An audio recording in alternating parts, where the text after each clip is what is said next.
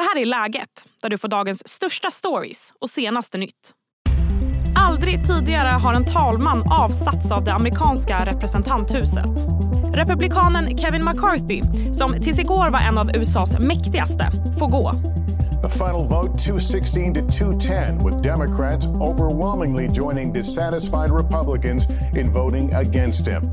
Frågan på alla släppar är nu, vem ska ta över? Och hur mår amerikansk politik? I dagens avsnitt tar vi också upp Nobelpriset i litteratur. Behövs en kontrovers kring priset för att det ska hållas intressant? Som vanligt får du även de allra senaste nyheterna. Jag heter Sally Sjöberg. Med mig nu har jag Andreas Utterström. Du är USA-kännare. Hej Andreas. Hej hej. Ja, Andreas, det här är historiskt har jag förstått. Varför är det här en så stor grej?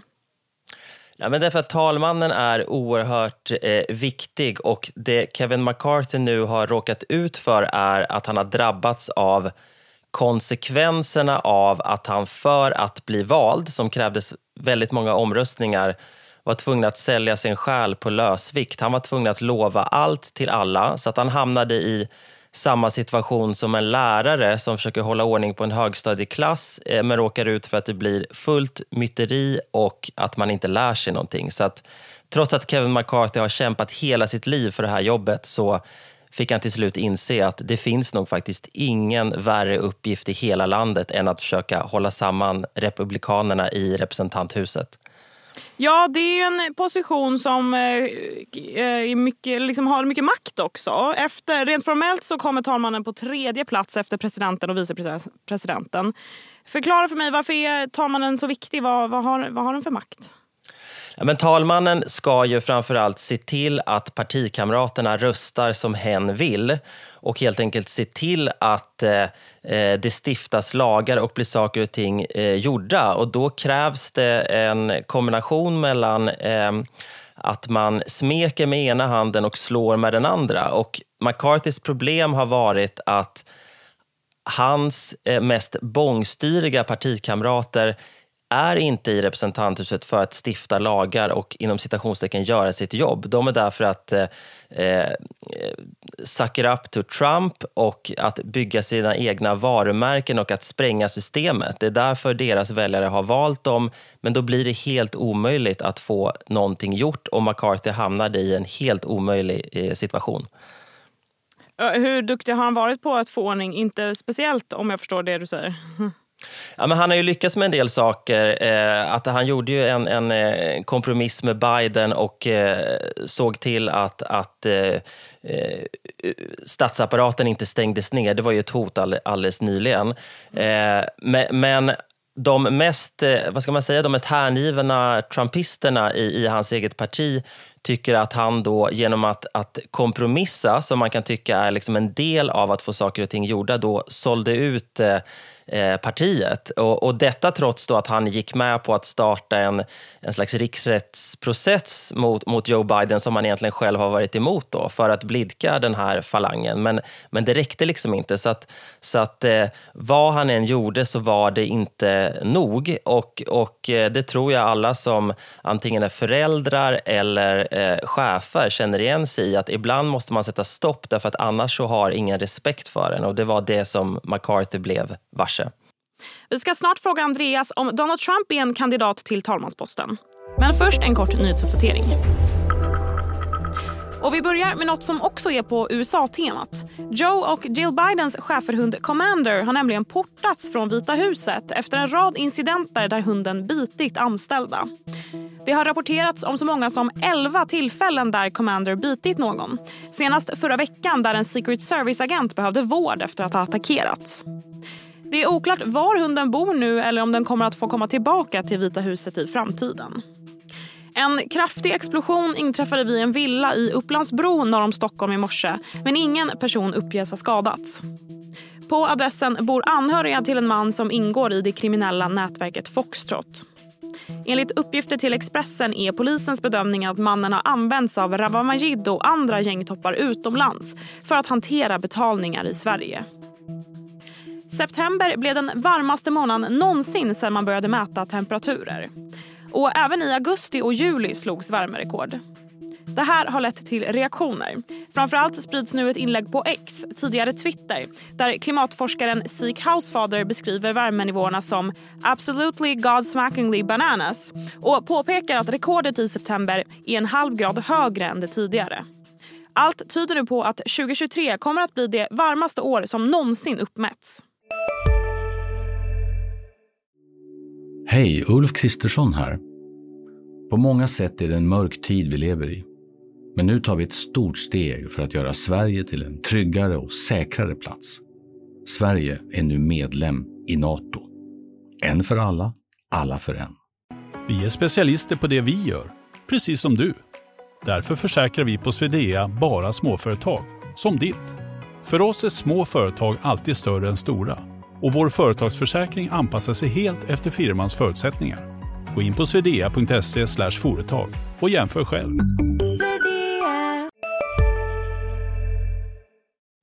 Nu tillbaka till Andreas. När det gäller då en eventuell ny talman. Jag har läst lite rubriker här på morgonen att några vill se Trump. Vilka, vilka snackas det om? Det där med Trump ska man inte ta på allvar därför att han vill inte ha jobbet och även om man kan nominera någon som inte är invald i, i kongressen så kommer det inte hända. Trump vill inte ha jobbet, han vill bli president och han är upptagen med rättsprocesser och annat. Så det, är, det här är mest ett sätt för Donald Trump att förflytta fokus och hålla sig eh, top of mind i nyhetsbevakningen som han är så duktig på. Mm. Eh, men det finns ju några andra som är sugna, till exempel Steve Scalise som är en, en gammal konkurrent till McCarthy och Jim Jordan.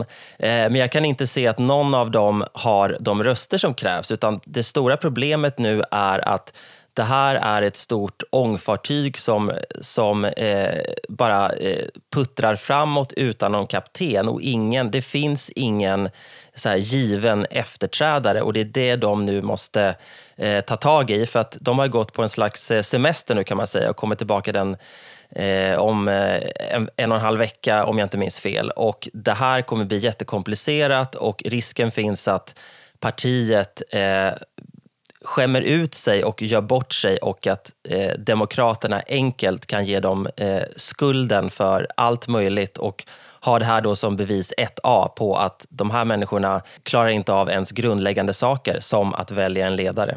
Mm. Eh, påminn mig, för jag antar att det finns ett antal eh, demokrater och ett antal republikaner i representanthuset. Hur ser liksom fördelningen ut där? Ja, men Republikanerna har ju, majoritet, har ju majoritet, men de har inte så stor majoritet. Och Det är det som har varit Kevin McCarthys problem. Att den här Trump-falangen i partiet har fått eh, orimligt mycket makt. Alltså det om jag tar, ska ta klassrumsliknelsen igen. Du har några personer, killar ofta, som sitter längst bak, tuggar tuggummi med bak och framvänd keps och, och ställer till en massa problem trots att den stora majoriteten i klassrummet eh, sköter sig. Och det är precis så det har varit för Kevin McCarthy. Och för att han skulle bli vald till talman så var han tvungen att, att gå med på att en enskild ledamot när som helst kunde väcka ett misstroendevotum mot honom. Så att han har hela tiden varit en dead man walking. Och vi har hela den här avsättningsgrejen. Vi har Biden som riskerar att ställas inför riksrätt och Trump som riskerar ja, flera hundra år i fängelse. Hur mår amerikansk politik? Inte jättebra. Det här är snarare ett symptom på att USA är ett land som skulle behöva gå i, i gruppterapi. Det finns väldigt stora klyftor. Det, man är inte enig om vad problemet är i landet och hur det ska lösas. Man pratar inte samma språk, det finns snart inga objektiva fakta man är överens om som gör att man kan starta en diskussion överhuvudtaget. Utan om den ena sidan säger någonting så skriker den andra fake news och då kan man inte diskutera något överhuvudtaget eller lösa eh, några problem. Mm. Vad ser du framför dig nu då? Vad kommer hända härnäst? Fullt kaos. Eh, till slut måste man ju välja en ledare. Det finns ju ingen, ingen eh, given person. Jag hade trott kanske Steve Scalise, då, eh, McCarthys eh, gamla eh, konkurrent, men han eh, är eh, sjuk i cancer så jag vet inte om han av hälsoskäl kan ta det. Annars så vill ju då Jim Jordan, en, en gammal eh, brottare med blomkålsöron som aldrig bär kavaj och är en super-Trump-anhängare. Eh, han är sugen, men jag tror att de mer eh, mainstream-aktiga republikanerna tycker att han är för extrem. Så att det är möjligt att det finns någon då som är tredje, fjärde, femte, sjättehandsvalet och som alla är kanske lite svala till men som, men som inte retar upp någon för mycket som kan segla fram här och bli eh, den som tar över. Vem den personen är eh, vet jag faktiskt inte. Det är väldigt svårt att säga men det ska bli spännande att följa. Mm, absolut. Tack så mycket Andreas. Tack. Snart ska vi snacka om varför litteraturpriset blir tråkigt utan en kontrovers. Men först blir det fler nyheter. Enligt den senaste väljarundersökningen från SVT och Kantar Public behåller oppositionen ett ordentligt försprång mot regeringspartierna. Oppositionspartierna samlar idag ett övertag på 10 procentenheter gentemot regeringen. Socialdemokraterna är största parti, Sverigedemokraterna är näst störst och Moderaterna hamnar på tredje plats. Tidigare i veckan försvann en pojke i 15-årsåldern i Allingsås. Idag meddelade polisen att de misstänker att det rör sig om ett människorov och tre personer har gripits. Polisen har inlett en särskild händelse regionalt med anledning av försvinnandet. Hej, Synoptik här. Hos oss får du hjälp med att ta hand om din ögonhälsa.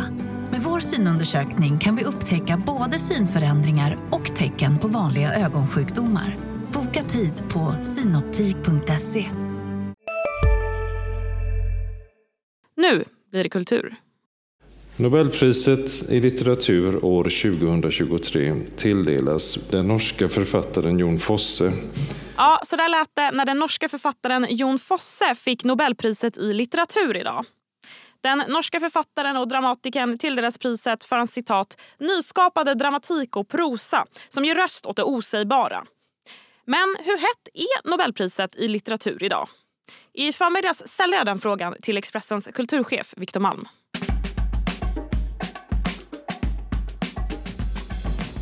Hej Viktor! Alltid trevligt att vara här. Ja, men vad härligt att ha dig här. Eh, Viktor, historiskt sett har ju Nobelpriset i litteratur varit det finaste litteraturpriset en författare kan få. Eh, vad skulle du säga att eh, priset har för status idag? Det är ju fortfarande det finaste priset en författare kan få, helt klart.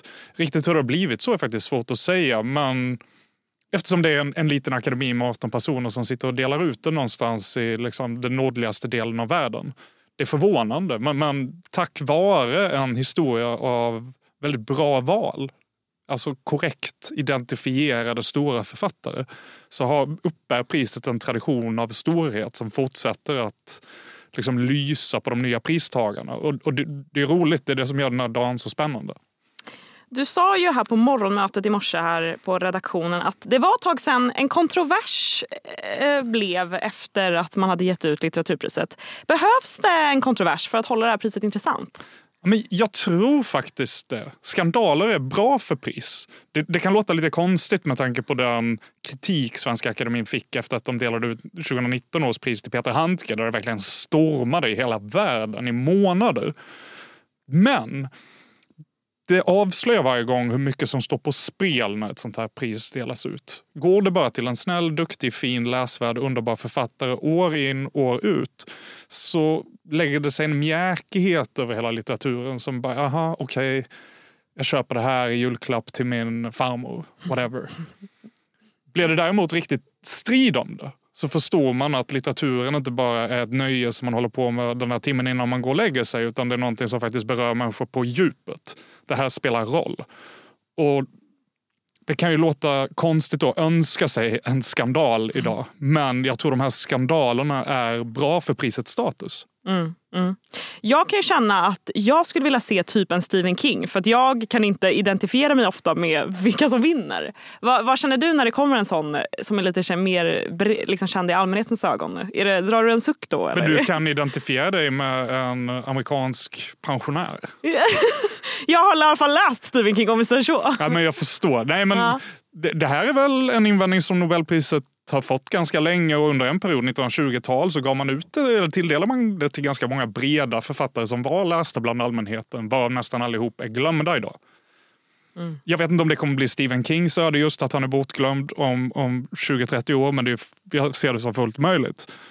Däremot tror jag att man ska inte vara så rädd för de här nobelpristagarna bara för att de är förut okända. Det är ett sätt att upptäcka något nytt. Även om jag förstår den här kritiken liksom, mot Nobelpriset bland folk som kanske inte ägnar hela sina liv åt litteratur. Mm, mm. Eh, vad tror du framåt då? Ställningen för Nobelpriset, kommer det fortfarande vara så, så fint som det är? Jag tror bara det kommer bli finare. Ja. faktiskt. Alltså I takt med att litteraturen får en mindre central roll i samhällslivet och allt färre känner till de stora författarnamnen i Sverige, eller Norge eller Danmark så kommer den här typen av kröning som sker en gång om året i oktober spela större roll. För att nog fan, lystrar man när Mats Malm går ut i börshuset och berättar vem som har fått årets pris. Det är inte bara Eller som... råkar skicka ut ett mejl några timmar in. Ja, det var ju Kungliga Vetenskapsakademin som gjorde det häromdagen. Det var ju otroligt kul och jag hade ju önskat att Mats Malm gjorde det. Det hade gjort min dag mycket enklare. ja, vi får se. Eller ja, nu vet vi ju. Tack Viktor Malm. Tack. Där sätter vi punkt för idag. Glöm inte att trycka på följ och skriv gärna en kommentar om podden också. Jag är tillbaka imorgon igen. Tack för att du har lyssnat.